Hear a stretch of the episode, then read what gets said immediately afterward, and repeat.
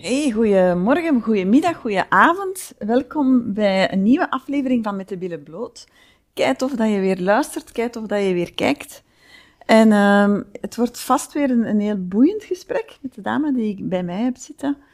Ik ken uh, deze dame al, al, al eventjes. Ze is op mij weggekomen, daar gaan we het straks zeker over hebben. En ik vond het uh, voor mezelf heel belangrijk om haar uit te nodigen in, in de podcast omdat zij een, ja, omdat zij een bepaald verhaal vertegenwoordigt, hè, symboliseert hè, in, in, in de samenleving, in, in, in, het leven toekoer, dat uh, nog ontbreekt in de podcastreeks. Dus voilà, vandaar. En uh, ik ga eerst haar even de vraag stellen waarmee ik elke podcast start. En dat is, wie ben jij? um, ik ben Hanne. Uh, Hanne is een uh, intense vrouw. Ik ben een intense vrouw die uh, heel sterk op zoek is naar hoe zelf eerlijk te leven. En ik heb al een hele weg afgelegd van een klein meisje dat heel intens voelde naar alle soorten plekken en personages die ik dan maar heb aangenomen tot eigenlijk echt het uh, persoonlijke verlangen vinden en echt durven leven zoals ik echt wil leven. Hmm. Mhm. En dat is een hele zoektocht geweest en ik merk dat uh, de mensen die op mijn pad komen en die mij raken, dat dat eigenlijk um, de mensen zijn die ook uh, zo'n zoektocht naar intensiteit en het volle leven delen met mij. Hmm. Dat ben ik. Dat ben jij. Welkom. Heel fijn dat je, dat je ja, met mij dit gesprek wou doen. Hè. Mm je zei al een paar interessante dingen, vond ik. je, je, sprak over zelfeerlijkheid. Hoe komt dat dat zo'n belangrijke waarde is voor jou? Zelfeerlijkheid um, is een belangrijke waarde. Uh, omdat ik zoveel uh, signalen in mijn leven heb opgevangen die me daarvan weghielden. Mm die mij niet hebben toegestaan om zelf eerlijk te mogen zijn. Mhm. Overtuigingen die ik heb opgepikt, um, overlevingsstrategieën die ik heb toegeëigend uh, om toch maar um, te kunnen passen in, in plaatjes die van mij verwacht werden. Mhm. Terwijl dat ik um, heel veel bang en schaamte en schuld had bij de gevoelens die ik echt zelf voelde. Hmm. Zeg, op welke manier hebben die, die normen en die overlevingsmechanismen uh, een invloed gehad op jouw seksualiteit? Heel veel. Um, ik uh, heb als kind eigenlijk heel weinig zelfontdekking gedaan. Ik heb dat eigenlijk nooit uh, als thema gekend. Ik heb dat in mijn middelbare school wel ontdekt. En dan heb ik mezelf um, aan een relatie gewijd. En daar heb ik ook uh, alles wat dan buiten mijn relatie was, uh, als gevaarlijk ervaren. Mm -hmm.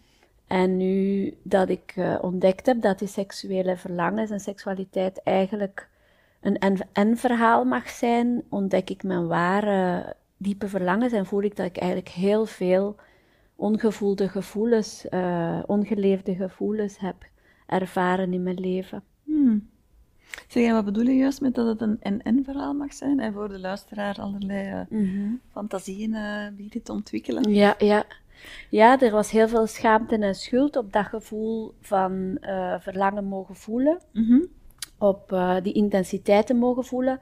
Ik heb altijd als kind of als jongere heel veel intense gevoelens gehad en ik ging dan ook heel graag uit, omdat daar precies de vrijplaats was om wel intens te mogen voelen en dat ze u precies niet meer in doog hadden, want iedereen was toch zat of was toch uh, uh, in een roes. En dan kon die intensiteit precies wel daar zijn. Dus dat was echt mijn favoriete plek om mhm. te zijn. En ik merk nu, doordat ik een tantraveld gevonden heb en ander lichaamswerk, dat mm dat uitgaan mij helemaal niet meer zo roept. Mhm. Maar wel die plek om intens te mogen voelen. Mhm. En dus dat dat uitgaan als jongere heel hard een um, uh, substituut was voor uh, een plek om echt te mogen voelen. Mhm. Ik Ik heb zelf als kind in de Steinerschool gezeten, dus op zich is dat echt wel een plaats waar echt wel ruimte is voor Mhm. emoties en voor u. eh, maar ik heb zelf gewoon heel veel boodschappen en overtuigingen bij mezelf gecreëerd Mhm. om mezelf te beschermen tegen mezelf. Omdat Hmm. ik toch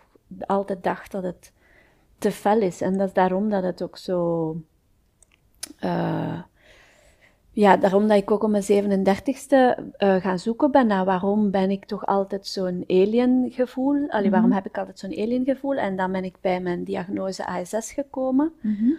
En daardoor heb ik eigenlijk zelfliefde kunnen ontwikkelen, omdat ik dan zoiets had van, ah, oké, het is normaal dat ik zo intens voel en het is normaal dat ik me zo anders voel. Ik heb gewoon een ander functionerend brein. Mhm. En dat was eigenlijk de eerste soelaas om te durven zeggen van, en wat als ik nu eens gewoon anders ben en niet moet proberen eh, te doen zoals de anderen. En dat is een hele, hele weg dat ik heb opgebouwd van gewoontes die ik nu weer helemaal moet af, allee, die ik wil afwikkelen. En dat vraagt heel veel tijd en energie en heel veel ehm, inzet en inspanning, omdat je merkt dat je met zoveel kleine boodschapjes je eigen verhaal hebt opgebouwd, waar dat je allemaal aan moet voldoen. Mhm.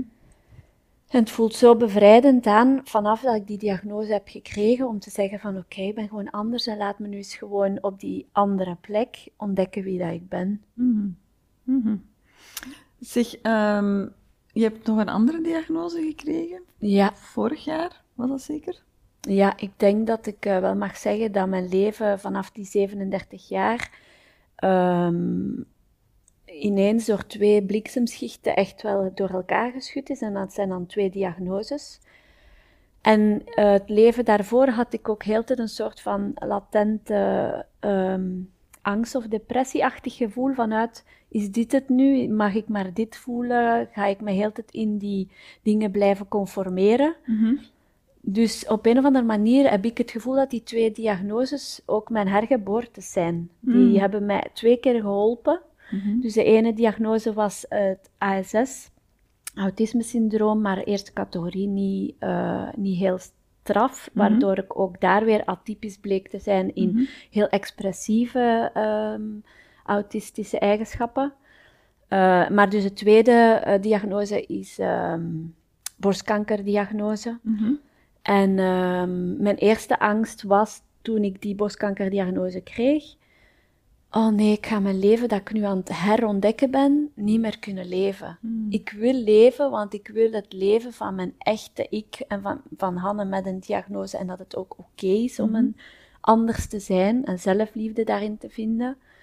Om dat aanvaardingsproces, dat wilde ik nog leven. En daaruit kwam, daarbij kwam ook heel het ontdekken van het tantrische veld en de seksuele energie als iets dat niet beschamend, geen schuldgevoel, dat misschien geen pijn deed aan mijn partner, dat misschien ruimte zou komen om dat toch te kunnen delen eh, met mijn man, waar ik dan al eh, heel lang mee samen was, van mijn 17 jaar.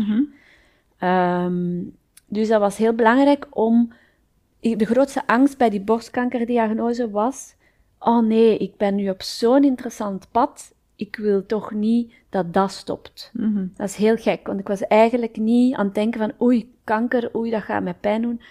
Oei, ik ga daar dood van gaan. Nee, het was vooral mijn levensenergie die aan het ontwaken is, die gaat toch niet gestoord worden door kanker. Ja, ja. En dan heeft het mij heel veel geholpen dat die kanker eigenlijk een deel was van dat ontwaken. Dan heb ik via lichaamswerk, eh, via vrienden die ook vanuit eh tantrische wereld heel anders keken naar ehm, eh, de betekenis van kanker, heb ik heel veel ehm, ondersteuning gekregen. Eh, ben ik ook alternatieve geneeskunde gaan onderzoeken om eigenlijk te begrijpen dat die kanker een boodschap is van mijn lichaam, waar ik nu juist aan het achterkomen was van eh, mezelf graag te zien. En daar echt naar te luisteren, naar mijn lichaam te luisteren, niet meer naar mijn hoofd en alle overtuigingen. Zeg, en hoe heeft dat jouw seksualiteitsbeleving beïnvloed? Op positieve of negatieve manier? Die borstkankerdiagnose.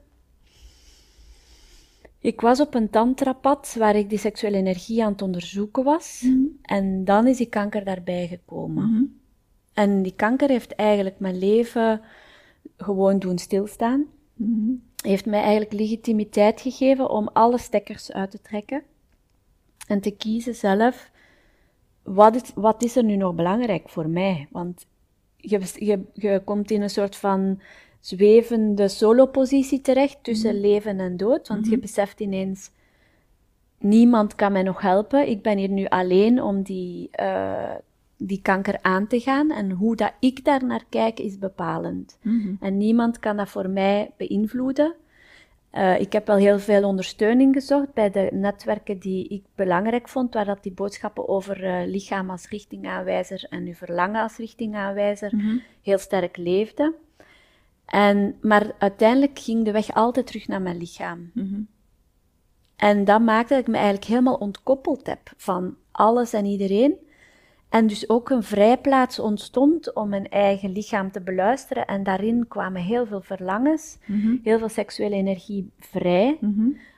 Op het moment dat ik die kanker niet meer als een ziekte zag, maar als een hergeboorte. Mhm. Dus ik heb me niet laten uh, infantiliseren, laten door angst bedwelmen en mezelf uh, als een patiënt gezien, maar juist als iemand die een ruim veld kon opentrekken, mm omdat er van mij niks meer verwacht werd. Hmm.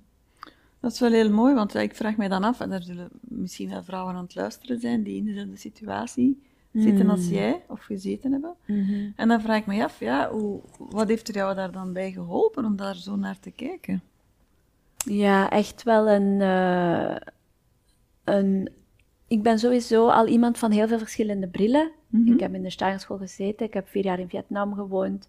Ik kijk heel anders naar de wereld, mhm. dus ik heb daar altijd mijn weerbaarheid gevonden mhm. eh, om anders te kijken naar de wereld. Dus voor mij, als ik mij bedreigd voelde in die kanker, uh, borstkankerdiagnose, heb ik direct mijn weerbaarheid uh, aangesproken. En dat is, oké, door welke verschillende bril kan ik nu naar die kankerdiagnose gaan kijken?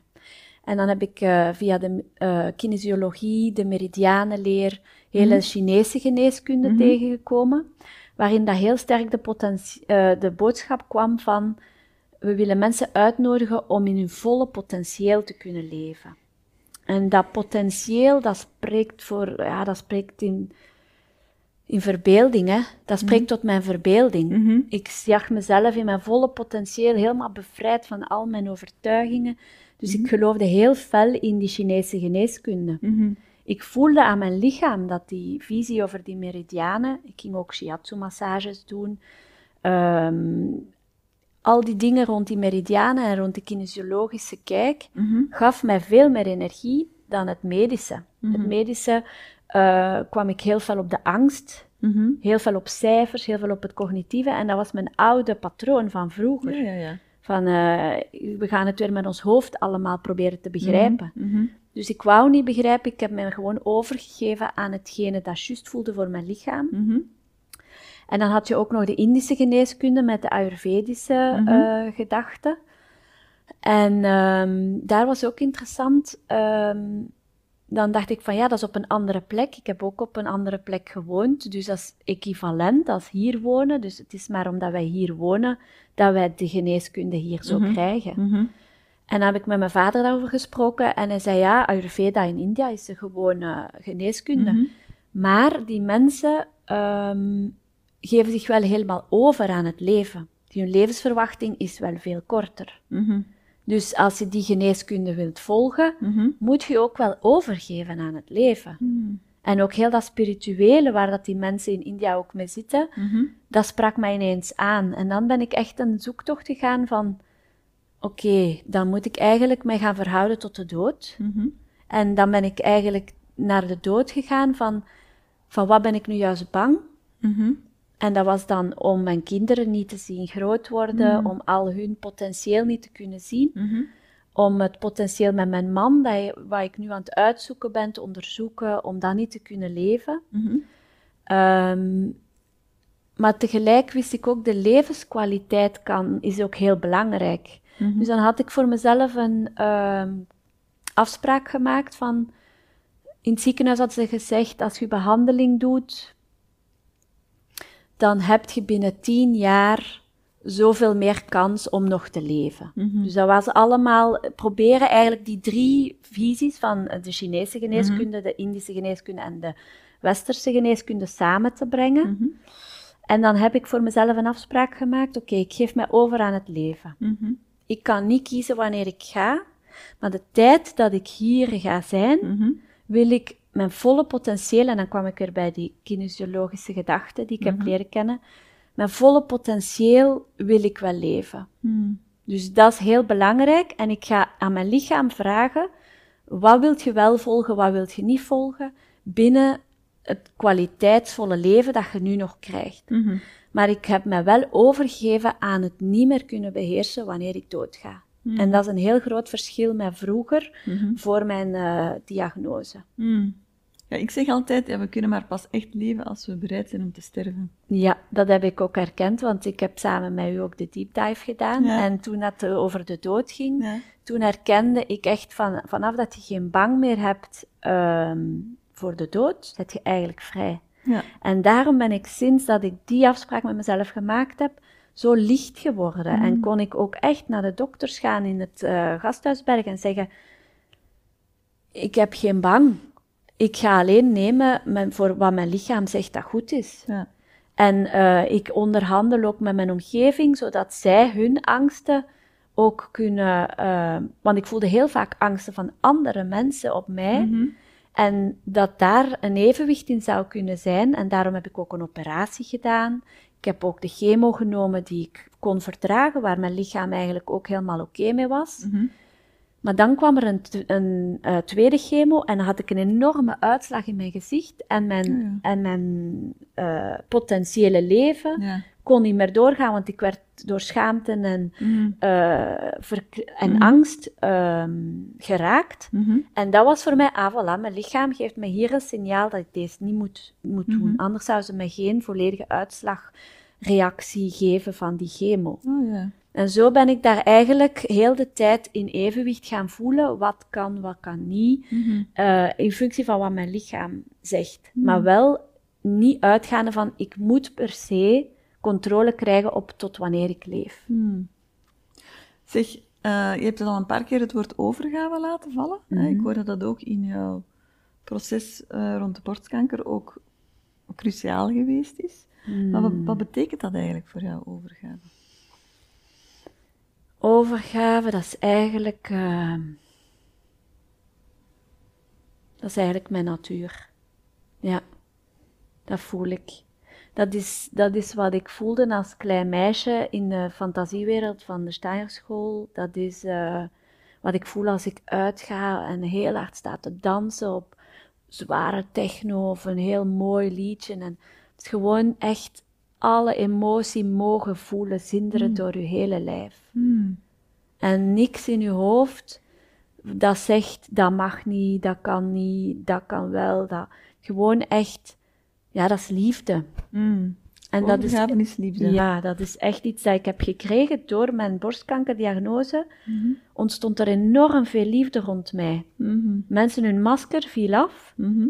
Ze hadden bang voor mijn leven. Ze waren ineens bang dat ik zou gaan. Mhm. En ik voelde hoe belangrijk ik voor mensen was. Hmm. En dat was zo'n kracht om, om, om dat pad aan te gaan. Mhm. En dat is ook overgave. Mensen die durven zeggen, Oeh, uw boodschap hier doet wel iets met mij. En ik durf zeggen dat ik echt bang ben dat jij doodgaat. Dat vind ik echt een enorm, een enorm eh, openheid dat ik nooit bij mensen heb gezien voor ik die, die diagnose kreeg. Hmm. Ja, dat is ook, ik vind het ook heel ontroerend zo. Het komt bij mij ook wel heel erg binnen eigenlijk. Hè? Het is heel, heel ja, raakbaar, hè? Dus eh, als mensen zoiets willen zeggen, durven zeggen. Ja. Overgave is liefde, dat vind ik eigenlijk wel, ehm, wel mooi. Eh, als ik dat eventjes koppel aan het, aan het thema van, van de podcast, hè? seksualiteit, gaat voor mij ook heel erg over overgave. Mhm. Ehm, geloof je dat er een seksualiteit bestaat zonder liefde? Hmm. Een seksualiteit zonder liefde. Ik denk dat die liefde eh, voor veiligheid zorgt. En dat die veiligheid nodig is voor overgave. En ik denk dat er altijd een zekere vorm van liefde uh, bij is. Ja, Hmm. want als ik kijk naar mijn eigen momenten dat ik geraakt ben door mensen het laatste jaar op mijn pad, heb ik altijd een vorm van liefde gevoeld voor die personen. Hmm. Ja, omdat dat toch een, eh, omdat je je hart openstelt voor iemand. En vanuit dat hart groeit die seksuele energie en die seksuele verlangens. Want als ik ehm, zo denk aan verhalen van ik was zat en ik heb gewoon voor de seks en Ja. ik voelde niks, Ja. Dat resoneert helemaal niet bij mij. Nee, Nee. maar het bestaat wel, hè? Ja, en dat vind ik ook jammer dat eigenlijk ehm, dan wordt gezegd van ja, als het onbewust was en mijn partner was zat of oké, dan vergeef ik het. Maar als er gevoelens bij is, dan vergeef ik het niet.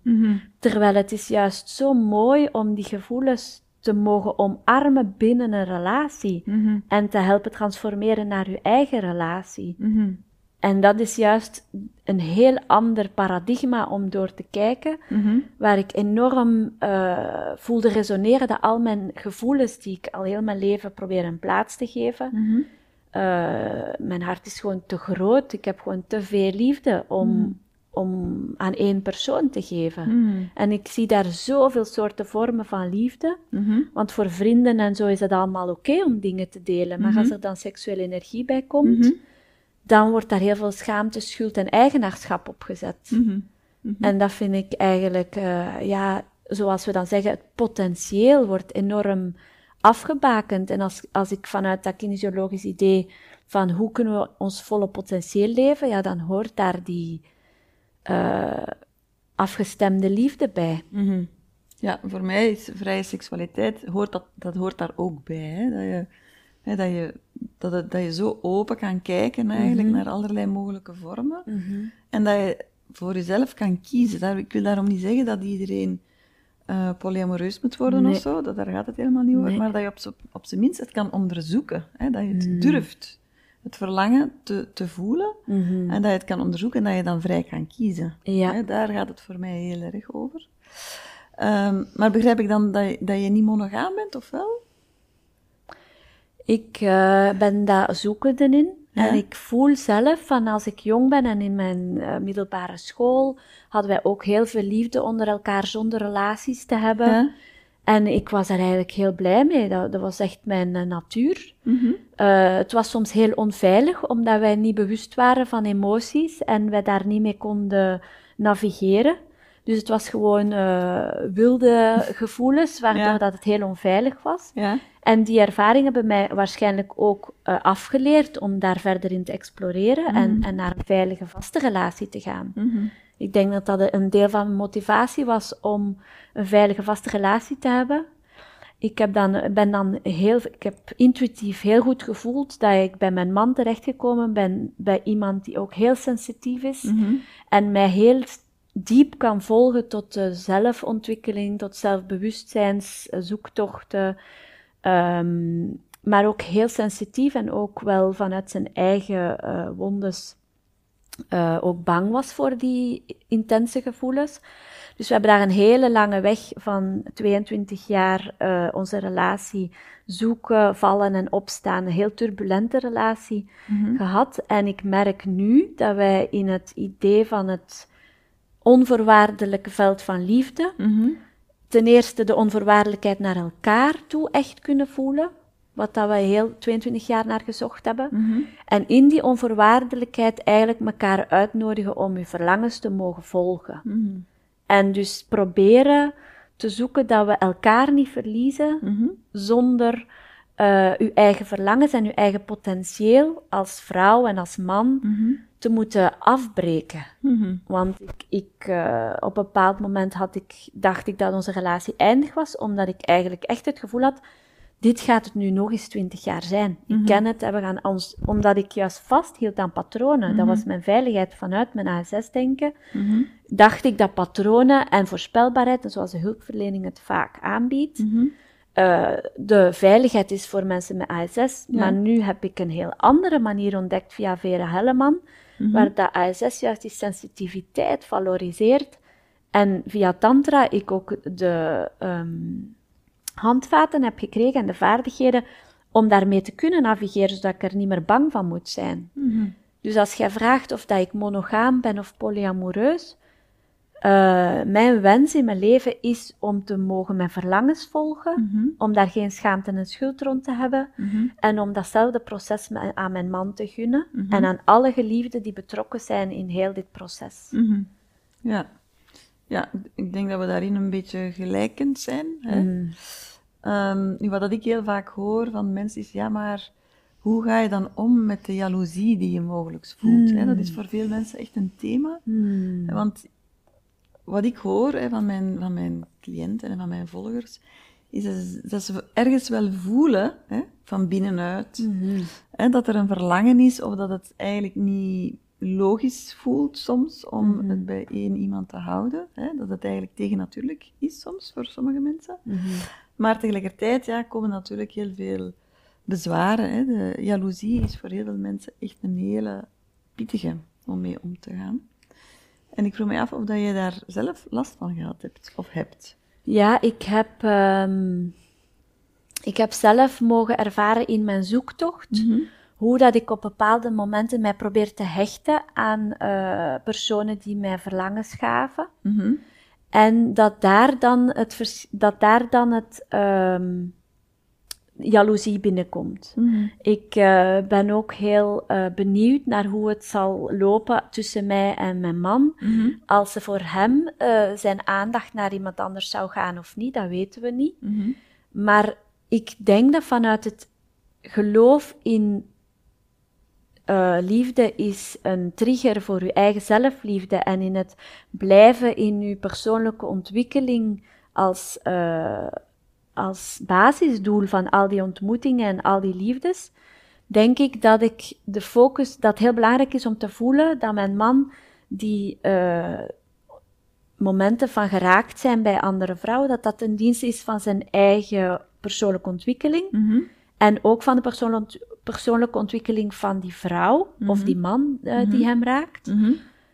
Dat dat een heel belangrijke focus is. Mhm. En ik voel ook dat sommige relaties dan toxisch worden op het moment dat mensen eigenlijk zichzelf willen weggeven aan de andere persoon en eigenlijk daar die hechting zo extreem wordt Mhm. dat ze de andere persoon niet meer zien staan. En dan zal ik er jaloezie ervaren. Dat Mhm. geloof ik zeker. Als mijn man zijn vizier helemaal wegtrekt Mhm. van mij en niet meer deelt wat er bij hem gebeurt in het contact van, met anderen, Mhm. dan voel ik heel veel pijn en verdriet en afwijzing. En dat zal mijn uitdaging worden om daar dan mee om te gaan. Dat heb ik al mogen ervaren in andere eh, momenten dat ik geraakt werd Mhm. hoe, dat, hoe pijn dat jaloezie kan doen. Maar dan is het ook weer heel belangrijk dat je eigenlijk dingen doet voor jezelf en je afvraagt, wat geef ik mezelf niet, Mhm. dat maakt dat ik jaloers ben. Ja, klopt. Ja. Ja, Dat voel ik. 100% verantwoordelijk voor ons eigen, Ja, eigen leven en onze eigen stukken, ja. natuurlijk. Maar, ehm, Dat is weer die openheid van dat potentieel. Je mocht u, als je de uitnodiging krijgt je volle potentieel te leven, mhm. kun je ook bij elke pijn die je krijgt jezelf ook genezen. Ja. Dat heb ik dus ook gevoeld bij de borstkanker. Oké, ik krijg dit op mijn bord. Wat Mhm. kan ik doen? Welke verantwoordelijkheid kan ik nemen om van die pijn te genezen? En die uitnodiging dan ook vrij nemen en anderen in uitnodigen om zichzelf te genezen. Mhm. Ja, je zegt ja, het gaat heel erg over zelfliefde, hè, denk ik Mm. dan. Hè? Je, jezelf echt onvoorwaardelijk graag zien. Hè, want we kunnen iemand anders maar onvoorwaardelijk graag zien als we onszelf onvoorwaardelijk graag zien. Nu, ik kan mij voorstellen, als je zo in heel dat proces van, van, van die borstkanker terechtkomt, hè, ja, je lichaam verandert, hè, je moet door die behandeling. Ja, ik kan me ergens voorstellen dat dat dan dat dat wel mooi klinkt, maar dat dat niet zo makkelijk is. Hoe is dat gegaan voor jou? Ja, dat gevoel van echt onvoorwaardelijk graag gezien te zijn, dat heb ik mogen ervaren in eh, mijn eerste zomerweek, waar dat wij Mhm. elkaar hebben leren kennen. Ja? Dat heeft zo'n diepe imprint in mijn lichaam gemaakt, Mhm. dat ik altijd teruggegaan ben naar dat moment van onvoorwaardelijk graag zien. Mhm. En in heel eh, mijn borstkankerproces heb ik ook nog heel veel steun gekregen van die personen en van mijn Mhm. netwerk dat ik daar toen, dat mij toen heeft geleerd om mezelf onvoorwaardelijk graag te zien. Mhm. En al, elke keer als ik in paniek was en ik, en ik had pijn of ik, ik had angst, dan merk ik dat ik door een tantra-retreat te gaan doen, Mhm. door uh, terug contact door uit te reiken, zoals jij ook vaak zegt in Mhm. Deep Dive, van het is heel belangrijk dat je uitreikt Mhm. als je je angstig voelt. Mhm. Dus ik, ik, kan me, ik voel echt dat ik genezen ben door de liefde. Door de Mhm. liefde die ik eh, kon uitreiken. En dat ik heb uitgereikt was omdat het op zo'n veilige manier gecommuniceerd werd wanneer dat er grenzen waren, wanneer dat er geen grenzen waren. En dat ik altijd uitgenodigd werd mijn verlangen te mogen delen vanuit eh, wat ik nodig had. Mhm. Dus verschillende keren in het ziekenhuis, eh, verschillende keren bij, een op, bij mijn operatie, Mhm. op het moment dat ik ehm mezelf, mijn eigen lichaam terug moest zien. Mhm. Altijd opnieuw kon ik teruggaan naar die imprint van die tantra-ervaring. Mhm. Van onvoorwaardelijk graag zien en Mhm. dat het ook helemaal van binnen zit. Van mijn hart dat heel open was. Dus mijn lichaam is ook maar een transport van Mhm. mijn ziel. Dat is Mhm. ook iets dat me heel erg heeft geholpen om, om zo naar mijn lichaam te kijken. Mhm. En ook zo naar mijn lichaam te luisteren als compagnon van de eh, ziel. Ik heb dan ook van u die eh, steen gekregen. Ja. En ehm, ja, dat is eh tourmelijn. En dat wil zeggen lichaam, geest en ziel zijn verenigd. En dat, dat, dat is echt gebeurd tijdens mijn eh kankerbehandeling. Want Mhm. ik kon niet naar het ziekenhuis gaan zonder die ketting. Mhm. Dat was ook heel mooi. Ik heb een borstfeest gedaan en Mhm. daar heb ik eh, een embleempje gekregen van eh, Trust the Journey, van mijn Mhm. vrienden van vroeger, waar ik Mhm. ook al een hele lange reis mee heb gedaan. Mhm. En een groene malachiet, Mhm. wat dat onze trouwsteen is, waarvan ik een ring en een ketting had eh, op ons huwelijk eh, in 2010, van mij en mijn man. Dus wat ook heel fel eh, onze relatie symboliseert. Mhm. Dus die drie dingen heb ik heel, heel bewust altijd bij mij gedragen. eh, bij de operatie, bij elke stap, bij elk angstmoment, heb ik naar dat groter plaatje kunnen gaan kijken. En los van het medische heb ik daar wel echt mijn kracht gevonden om eh, mezelf graag te blijven zien. Mhm. Ook al werd ik zwaar afgetakeld. Mhm. Eh, dat vond ik soms heel onrechtvaardig.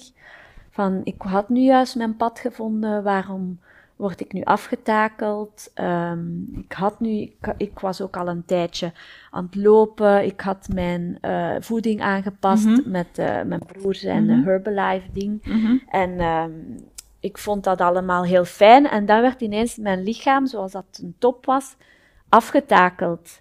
En dan ben ik, was ook een proces, dat weet ik nog in Deep Dive, waarin Mhm. ik eigenlijk dat aftakelen heb gaan zien als een uitnodiging om naar mijn binnenste te gaan en Mhm. niet meer bezig te zijn met de vorm. Mhm.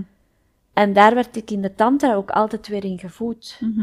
Alles mag er zijn, uw gevoel mag er zijn, uw lichaam mag er zijn, want in al die oefeningen gingen we telkens keer in contact met de ogen. Mhm. Ook met alle mensen die mij geraakt hebben, heb ik echt in de ogen eh, een ontmoeting gevonden, in de Mhm. ziel. Mhm. En dat zijn allemaal dingen die mij hebben geholpen om niet alleen bij het medische en het lichamelijke te blijven, want dat was echt wel een harde weg. Ja, daar werd ik afgetakeld. Ja. ja, want het klinkt voor mij nu alsof dat je, alsof dat, je dat fysieke overstegen hebt of zo op een of andere manier. Kan Ik heb dat zeker eh, aangevuld, omdat ik voelde dat, aangevuld aan het eh, fysieke, Mhm. ehm, omdat ik voelde dat, daar mijn kracht, dat ik daar mijn kracht in vond. Mhm. Ja, ik ja. heb mij ook heel weerbaar moeten verdedigen tegen de eh, angstige informatie die Ja. ik heel vaak kreeg van de fysieke realiteit. Mhm. Dan heb ik mezelf ook vaak afgevraagd dat ik schizofreen werd, of dat, dat was een heel sterke ehm, uitdaging om daar plaats aan te geven. En dat therapeutische spoor, dat had ik ook kinesiologisch gemeten. Mhm. Hoe ga ik mijn behandeling doen? Mhm. En dan ehm, heeft mijn eh, inspiratievolle persoon eh, gezegd dat gemeten bij mij. Mhm. En die heeft dan gezegd, eh jij gaat dat eh, biochemisch doen, dus via eh, chemo en middelen en eh, ehm, energetisch. dat wist ik nog niet goed wat dat wil zeggen. En emotioneel. Mhm. En emotioneel wist ik, ik ga een therapeutisch proces aangaan. Mhm. Ik ga de reden waarom dat die kanker is ontstaan helemaal uitzoeken. Waarom dat ik zo ver van mezelf ben gaan leven, dat het eigenlijk mijn lichaam is moeten beginnen roepen. Mhm. Mhm. Ja, je hebt daar een hele weg in afgelegd. Hè? Ik, heb, Mhm. ik, heb die, ik heb die een beetje veel kunnen volgen. Ehm, Nou, jij werd voor mij ook een bron van eh, blijven geloven in, in die aanvullingen. Als het echt voor mij moeilijk was, kon ik ook heel vaak uitreiken. En dat was eh, heel belangrijk om mijn schaamte en schuld te overwinnen, om in mijn verlangen te mogen geloven. mhm. Ja. ja. Ja, ik voelde daarin bij jou ook een heel... Het was een echt een, sterke roep hè? Naar, eh, naar het verlangen en naar het, het leven eigenlijk. Hè? Mm. Ehm, Mm. Nu ja, we kunnen ons het lichaam overstijgen. Hè? Ik geloof daar ook heel erg in. Hè? Ons lichaam is, is, een, is een, een middel, eigenlijk, Mm. een, een vervoersmiddel zelfs, voor onze energie. Maar eh, ja, er, op een bepaald moment ja, moet je wel met je, je lichaam, en je zegt dat het is toegetakeld, afgetakeld. Hè? Je, op een bepaald moment moet je wel met je lichaam eh, in contact treden. Mhm, Hè? mhm. En ja, ik, ik vraag me af hoe, hoe, dat, dat, hoe, dat, hoe dat je dat doet. Lijkt, lijkt mij helemaal niet zo makkelijk om dat te doen. Nee. nee, dat begint met die plakker, die pijn. Je komt terug van het ziekenhuis en je beseft. Het heeft toch een week geduurd dat ik echt kon kijken naar mijn borst, ehm, dat die er niet meer was. Ehm, en elke keer eh, ook wel in, door de ondersteuning van die belangrijke mensen rond mij. ehm, door te kunnen uitreiken als ik op zo'n moment eh, wat ik kon voelen. Eigenlijk altijd heel transparant te mogen zijn in mijn gevoel. Ehm, dat heel veel mogen delen. Heel veel ontvankelijkheid gevoeld van mijn omgeving om ehm, te mogen delen wat ik ervaar. En dan weet ik nog heel goed, ehm, ik ben iemand die heel graag uitgaat en graag danst en gewoon in de gewone wereld eh, ook heel veel festivals terug wilde opzoeken hè, na de COVID. Ja. En toen merk- besefte ik van oké, nu moet ik dus wel op die dansvloer gaan staan met die ene borst. Mhm. En dan de uitnodiging van, ja, wilt je een ehm, prothese of wilt je Ja. eh, eh, zo'n sponsje in je, hè, van doen alsof dat je het dan niet Ja. hebt en hoe kunnen we dit verdoezelen? Dat was Ja. de, de, het aanbod van het ziekenhuis. Hoe kunnen we dit u helpen Mhm. verdoezelen? En eh, ik vond dat op zich heel normaal dat ze dat vroegen, maar gelukkig had ik vanuit mijn tantrische eh, veld Mhm. de uitnodiging van, van de ervaring van in oefeningen bij mensen heel mooie dingen te voelen, van mensen die niet per se uiterlijk heel mooi waren, maar die heel diepe ogen hadden en die heel intense connecties konden leggen, of die op heel, man- heel mooie manier aanrakingen hadden die super energetisch waren. En voor mij werd op die manier eh, seksuele energie, verleiding, eh, het spelen daarmee helemaal niet meer uiterlijk. Mhm.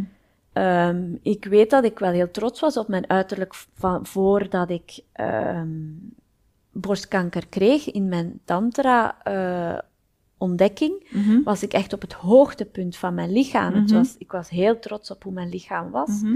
En ik heb dat ook heel veel gevierd. Mhm. En dus het afgeven van dat lichaam heb ik Mhm. ook echt heel bewust, zoals ik al zei, met een borstritueel gedaan. Mhm. Ik heb een borstfeest georganiseerd. Ik heb al de mensen die mij geraakt hebben in mijn Mhm. leven uitgenodigd. En ik ben heel dankbaar dat mijn vrienden dat voor mij hebben gedaan. Mhm.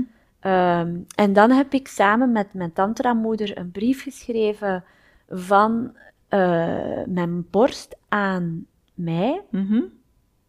Nee, van mezelf naar mijn borst. Mhm. Over alle intieme momenten dat ze geraakt is in haar leven. Mhm. En dat ik dankbaar ben dat zij mij eh, die dingen heeft gegeven. Mhm. En zo kwam ik eigenlijk op alle seksuele, energetische momenten dat ik als kind heb ervaren. Vanaf Mm. wanneer dat mijn seksuele energie is beginnen leven.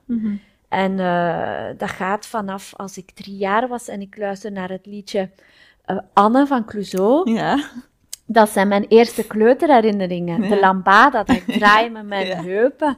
Eh, dat zijn de eerste liefjes van de kleuterschool in de Steinerschool, dat die mij tegen de muur plakte en dat ik dat geweldig vond. eh, de jongens van mijn klas waar ik zo verliefd op was, maar niet Mhm. durfde zeggen. En Ja. al die dingen hebben, heeft mijn borst eigenlijk, door die brief te schrijven, heb ik al die momenten terug herbeleefd. Mm. Dat ik in de pleintjes eh, ging eh, exploreren met mijn middelbare eh, jeugdliefdes. Mhm. Dat waren allemaal heel toffe dingen dat mijn borst in C herinnerde. Mm. En dat heeft ze mij allemaal gegeven voordat ik ze dan heb afgegeven. Mm. Ja, ik was daarbij op dat feest. Ik vond dat heel... ehm, ja, ik vond dat een beetje bovenmenselijk of zo. Ja, dat was echt bovenmenselijk. Ja, dat was want echt bovenmenselijk, ja. ja, dat was. En dan die, die brief van die borst. En ik had ze dan ook een naam gegeven, Anastasia. Ja. om juist heel die ervaring als een, als een persoon te kunnen ervaren. En dan had ik ook een foto dat mijn zus had gemaakt Ja. van mijn twee borsten in het vuur Mhm. eh, laten verbranden. En toen ehm, voelde ik ook echt, toen heb ik ook een heel mooi lied eh, gekozen van ehm, Mystery of Love Mhm. waarin ook heel duidelijk wordt voor mezelf, de doel van mijn leven is connecties tussen mensen leven. Mhm. Dat is het mooiste wat een mens aan elkaar kan geven, is helemaal uzelf kunnen zijn. Mm. En dat zit helemaal in dat lied vervangen. Mhm. Daar zit ook een moment van een zwarte vogel op je schouder en hoeveel last kun, kan een mens dragen. Dus daar zat alles in van, van de hele lichtheid van die liefde en tegelijk de hele zware eh, uitdaging die mij te wachten stond om mijn borst af te geven, mijn perfecte lichaam te kunnen, Mhm. ja, nooit meer, nooit meer terug te hebben. En dat was. Zo surreëel, weten Mhm. dat het onomkeerbaar is. Mhm. Zoals de dood eigenlijk. hè? Ja, dat was echt een doodgaan. Dat was een, eigenlijk een, een levend begraven. Mhm. Ja, en dat was zo'n voorrecht om dat te mogen meemaken. Misschien is daar wel de eerste relatie met de dood en de niet meer bang zijn van de dood begonnen. Door dat, door dat ritueel echt te mogen zeggen van oké, met mijn ziel onder de arm, ik schenk ze u, mijn Mhm. borst. Mhm. En ik aanvaard dat iets nooit meer hetzelfde is. Mhm. Mhm. En dat was ook heel mooi, want onverwachts eh, kwam mijn man, eh, heb ik dan bloemen aan mijn man gegeven. En, en heeft, hebben we dan onze huwelijksdans daar opnieuw gedanst tussen twee vuurkorven. Mhm. Dus mijn volledige hevigheid, wat eigenlijk een heel risicovol gegeven was, Ja. om tussen twee vuurkorven een hele wilde openingsdans eh, te mogen leven. Met de aanwezigheid van al de mensen die mij raakten, Mhm. dat hij dat ook helemaal oké vond. Ja. En daarin zoekende was van hoe kunnen we dit plaatsgeven. En dat dat wist dat dat belangrijk was voor mij. Dat was eigenlijk echt zo ontroerend. Dat was eigenlijk onze jubilee. Want we Mhm. gingen dat sowieso al eens doen, onze jubilee. Maar dat ontstond daar gewoon Mhm. ineens. Mhm. Ons tien jaar huwelijksverjaardagfeest. Ja. Ja. Dat Ja. we maakten het helemaal, ja, bijna theatraal. En dan kwam daar nog een optreden. Ja. En het was echt, de, dat is echt de mooiste. mo- Ik had kunnen sterven op dat moment. Ja, ja. Ja, ik voelde echt helemaal compleet. Ja. Ja, je hoort wel zo vaak van mensen die zo, hè, want het, die zo op zo van die moment, op zo van die eh, kantelmomenten eh, komen. Als ik kijk naar mijn eigen leven, ik heb ook al wel wat meegemaakt. En ook al was het allemaal heel pijnlijk, ik had dat wel nooit willen missen. Hmm, Nee. Er is eigenlijk, als ik terugkijk op mijn leven, er is eigenlijk geen enkel moment dat ik denk van, ah, dat zou ik anders willen, of dat, dat, daar mochten ze eruit halen, of eh, als ik het mag herschrijven. Eigenlijk totaal niet, omdat het allemaal zijn nut gehad heeft. Hè. Het Ja. heeft allemaal echt wel, een, echt wel een functie gehad in mijn ontwikkeling als vrouw. Hmm. Is, is, eh, want ik zie jou knikken. Ja, dat is, dat is echt Herken de cadeau van, die, Ja. van heel deze reis. Begonnen op 5 juli. Mhm. is echt eh, mogen ervaren dat hoe diep je ook zit en hoe zwaar je uitnodiging is, Mhm. je geduld moet hebben, vertrouwen kunt hebben. En daarvoor ben ik dan blij dat ik dat spirituele ontdekt heb. Mhm. Omdat dat een vertrouwen is dat je zonder dat spirituele heel moeilijk ik dat nog niet had gevonden. Dus voor mezelf dat niet had gevonden. Durven vertrouwen, dit heeft een functie. Het universum geeft mij dit, Mhm. omdat het mij iets komt vertellen. En elke keer opnieuw hoe diep de pijn ook zit, Mhm. Hoe, hoe mooi dat, je weet dat daar iets gaat uitkomen. Zoals bij uw verhaal ook. Hè. We hebben Mhm. ook mee mogen maken Mhm. hoe diep dat het voor u ook geweest is. Mhm. Om te zien hoe dat jij nu uit die as fantastisch groeiproces aan het gaan Ja. bent. Dat voelt je gewoon. Je moet in die pijn gaan en dus geen bang meer hebben van die pijn. Maakt u ja, onsterfelijk bijna. Hè. Dat maakt u zo... Ja, maakt u heel erg krachtig, denk ja, ik. Hè? ja, dat maakt Ja. precies het gevoel. Dat bevrijdt u helemaal. Want als je Mhm. het ongeleefd verlangen kunt leven en je Mhm. kunt de pijn dragen die u ten diepste raakt, Mhm. ja, dan, bent je, dan maak je geen compromissen meer en dan weet je waarom dat je, eh, ja, waarom zou je dan niet naar je verlangen luisteren? Want je Mhm. weet, alles wat eruit komt, ik zal het wel kunnen dragen. En dat is wel nog een heel, heel spannend ding, want dat heeft het universum mij nog niet gegeven. Dat is nog een heel onbekende diepe angst, om toch zonder mijn man te zouden moeten verder leven. Dat is een pijn die voor mij nog onrealistischer lijkt dan de borstkankerpijn. Oh ja. Dus dat is een ongekende pijn die ik nog nooit heb moeten leven, want we zijn altijd naast elkaar kunnen blijven gaan door Mhm. elke moeilijke uitdaging, Mhm. want ze zijn heel moeilijk geweest. Mhm. En dus altijd heb ik de angst voor hem te verliezen, heeft mij ook altijd eh, gestuurd en, en in richting gegeven. En dat is precies door het universum mij nog altijd niet gegeven dat ik daarmee moet dealen. Mhm. En daar ben ik dankbaar voor. Ik voel daar ook heel veel veiligheid in. En eh, dat wens ik ook eigenlijk wel, dat we samen kunnen, kunnen sterven. Want ik vind die verdieping van de relatie echt wel onze uitdaging. Mhm. En ik kan ook echt tegen hem zeggen dat hij mijn levenspartner is. En Mhm. dat het echt ja, bijna in de agape-fase aan het komen van de onvoorwaardelijkheid. Mhm. Mhm. Mhm. En ik bereid mij voor op heel veel pijn in jaloezie en in... Want dat weet, die ken ik niet. Nee. Dus ik kan borstkanker, ik ken het eh, bang zijn voor de dood, maar ik ken niet... ehm, ja, zoals ik bij u heb mogen zien, Mhm. het helemaal terug u uit het diepste van uw assen, Mhm. terug hergeboren worden en Mhm. aanvaarden dat iets onomkeerbaar stopt. Ja. ja, dat de liefde stopt. Hè? Allee, Ja. Alhoewel, de liefde stopt natuurlijk niet, maar het is wel het, de vorm Hmm. hè, waarin de liefde zich heeft ontvouwd. Ja. Die- dat die stopt. Hè? Dat probeer ik ook heel sterk eh, met mijn man in dialoog te brengen. Dat we die openheid ook laten, maar Mhm. dat we wel.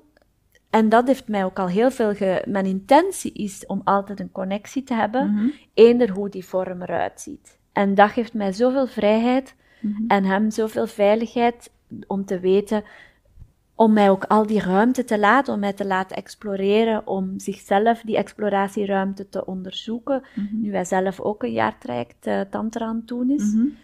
En daar ook voelt dat hij daarin thuis komt, in die onvoorwaardelijkheid naar zichzelf toe, die onvoorwaardelijke zelfliefde. Mhm. En daar, daarom is dat veld van onvoorwaardelijke liefde, is voor mij het nulpunt. En dat is ook bij u zo. U Mhm. hebt uw connectie nog altijd in dat Mhm. onvoorwaardelijke veld. Ja, klopt. Ja. Dat is die bevrijding, als we het dan hebben over, ja, wel als hem zat is, is het wel oké, dan zit je met voorwaardelijkheid.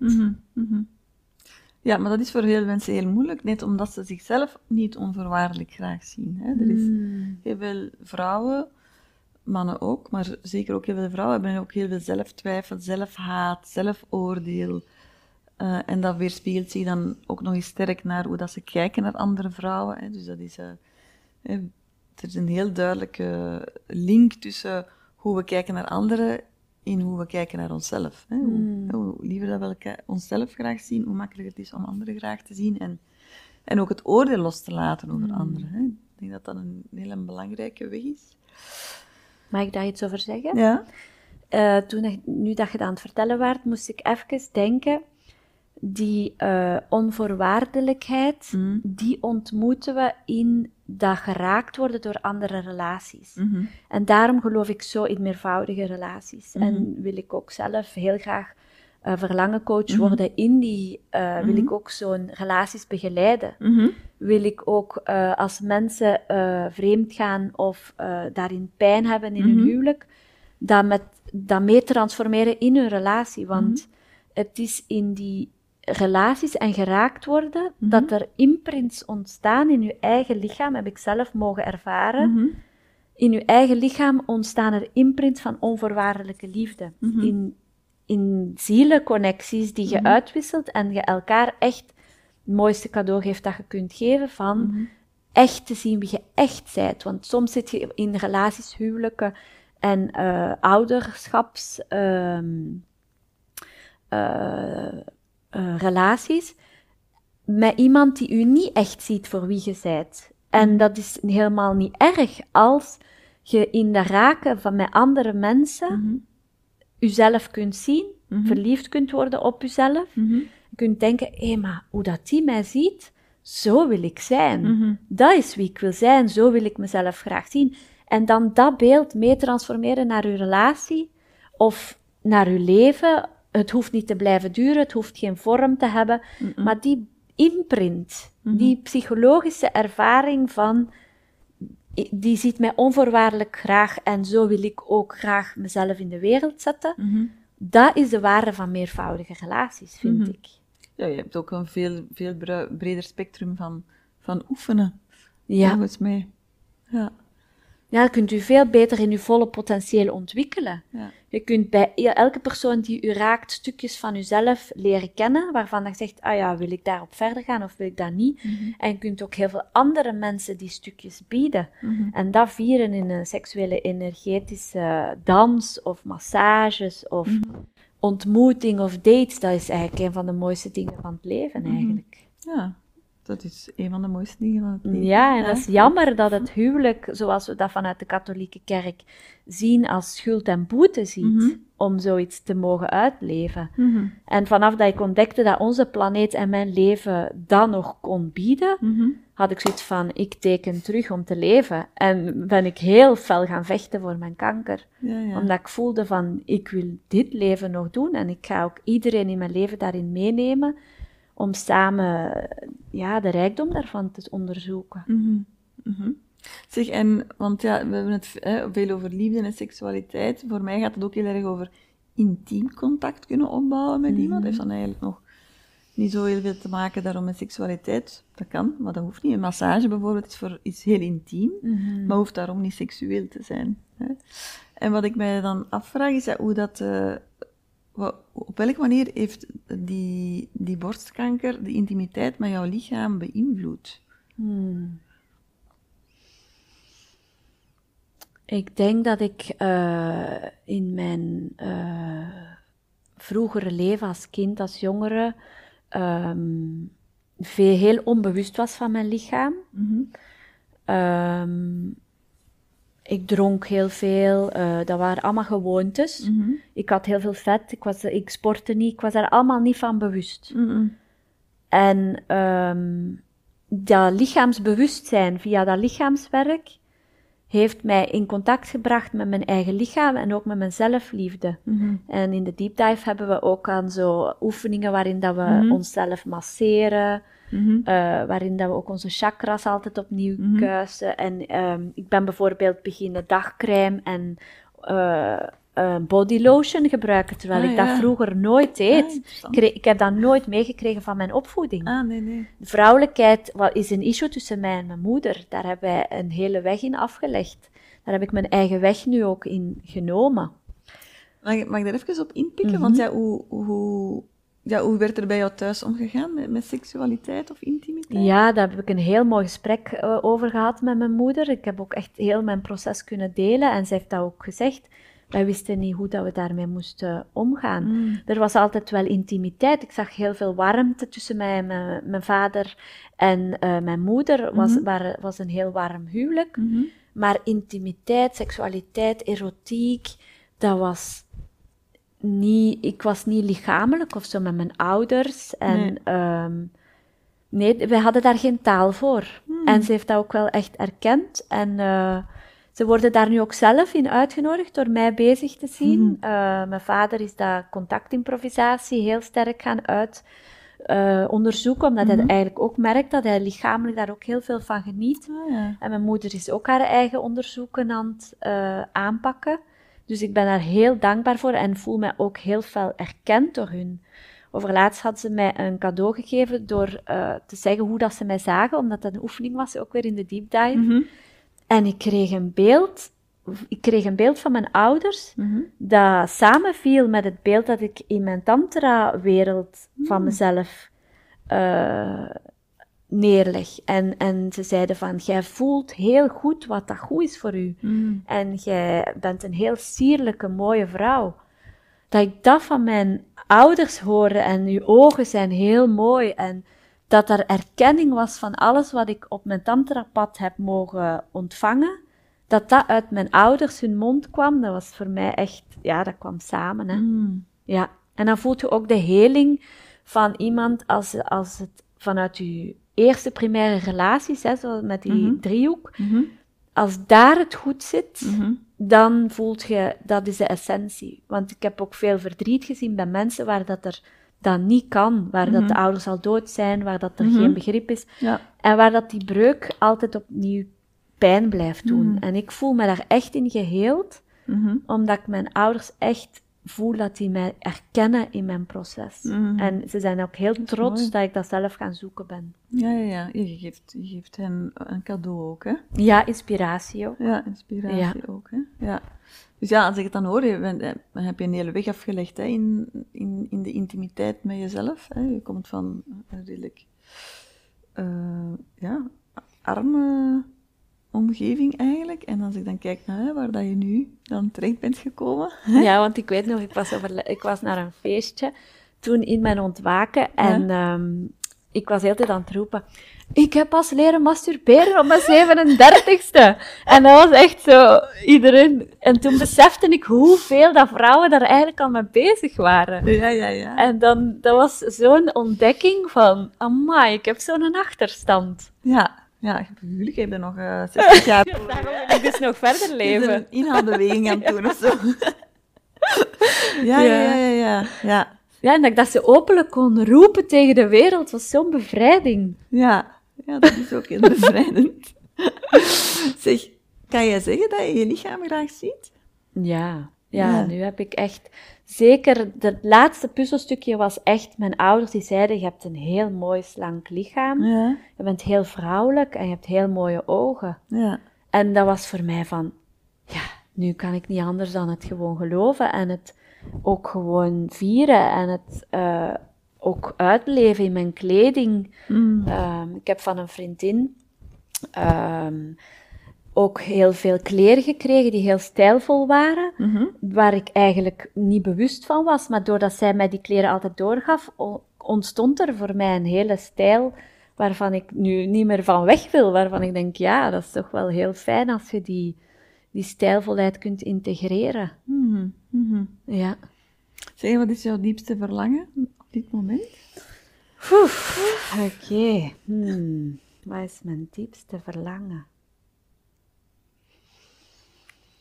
Ja, mijn diepste verlangen is toch wel. ehm, er, is, er is wel wat ambitie gegroeid ook. Ehm, mijn diepste verlangen is dat ik dat onvoorwaardelijke veld van liefde met mijn man kan beleven Mhm. dat wij toch samen kunnen sterven en dat we elkaar onderweg niet hoeven los te laten. Mhm. Dat ik eh, mijn kinderen in hun volle potentieel kan laten leven, Mhm. ook in de zoektocht van wat is hun plek, welke school past er bij hun. Mhm. Want mijn jongste zoon heeft ook een heel lichte vorm van autisme en Mhm. nu begrijp ik waarom dat mijn, eh, waarom dat mijn zoon gekozen heeft om bij ons geboren te worden door zijn leven kan ik opnieuw alles wat dat ik eh, beleefd heb op een andere manier uitproberen. En Mhm. eh, ik zie in hem zo'n krachtig, eh, expressief, gevoelsmatig kind. Ik- ja, dat is echt onvoorwaardelijke liefde. Mhm. En bij mijn eh, oudste zoon zie ik ook heel die zachtheid, heel het, de, het potentieel van mijn man zie ik enorm in mijn oudste zoon. Mhm. En ook hoeveel dat hij verloren is onderweg door zijn opvoeding, zijn scholing, zijn overtuigingen. Ehm, dus we zien in ons beide kinderen onze blauwdruk. Mhm. En dat echt als gezin, reizend gezin samen, oh, daar kijk ik echt enorm naar uit. En ook wel uh, open naar alle ontmoetingen die we tegenkomen en ook de inspiratie die we in die relaties kunnen vinden en die we terug naar huis kunnen brengen. En Mhm. onvoorwaardelijk veld naar el- elkaar kunnen blijven. Dus dat is, dat is de hele grote vraag. Gaat het mij lukken om een connectie te blijven vinden waar we alle twee en heel ons gezin in ons volle potentieel kunnen leven? Mhm. Mhm. En dan ah, een ander verlangen is professioneel, om heel de wereld, en inderdaad, ik spreek drie talen, omdat Mhm. ik in Vietnam eh, ben geweest als kind, Ja. eh, Frans, Engels, Nederlands, om gewoon de wereld te veroveren met dat veld van onvoorwaardelijke liefde. En al die relaties die nu in scheiding uit elkaar gaan Mhm. breken, om dan Mhm. in een volgende relatie terug diezelfde Mhm. patronen tegen te komen. Om binnen relaties te kunnen helpen koppels transformeren naar die onvoorwaardelijke liefde en elkaar uitnodigen in, die, eh, in dat veld, in dat experiment, in dat onderzoeken. En vooral elkaar echt zien wie dat je echt bent, want dat is het mooiste wat je elkaar kunt geven. En aan jezelf kunt geven. Aan jezelf. Ook, hè? Ja, Ook, hè? Ja. Ik denk dat het ook wel heel belangrijk is, hè? Om daar- maar die relatie van je huwelijk of is, is ten dienste van het jezelf graag zien voor Ja. wie je echt bent. Zelfeerlijkheid, hè. Daar Ja. komen we altijd terug op. En hoe moeilijk dat ook is, Ja. om toch uw diepste behoeftes te kunnen uitspreken, uitleven. En natuurlijk heb ik ook heel veel zin om gewoon al mijn seksueel-energetische fantasieën en uit te proberen gewoon te leven. Nu dat ik voel dat die schaamte en schuld tussen mij en mijn man Mhm. veel minder is, voel ik gewoon, waarom zou ik dat niet meer doen? Echt gaan onderzoeken, wat, tot waar is mijn grens? Mhm. Wat is mijn zelf eerlijke ASS-brein Mhm. echt haar echte verlangen? Hè? Ja, ja. En dat is, ja, vanuit Vera Helleman, die Mhm. sensitiviteit echt waarderen en bij mijn zoon ook echt valoriseren. Plek Mhm. vinden voor hem, waar dat, dat gevaloriseerd wordt, waar Mhm. hij zichzelf kan zijn. Ja.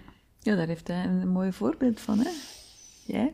Ja, ja, het is, eh, en het is elke dag nog moeilijk om met het oud paradigma niet te reageren op hem en om te zoeken van wat kan wel, wat kan niet.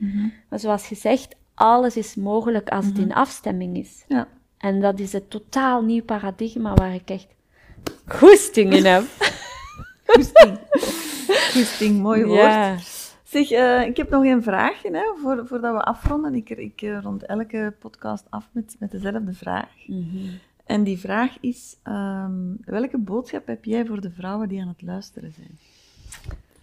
Ah. Hmm. Zelfeerlijkheid.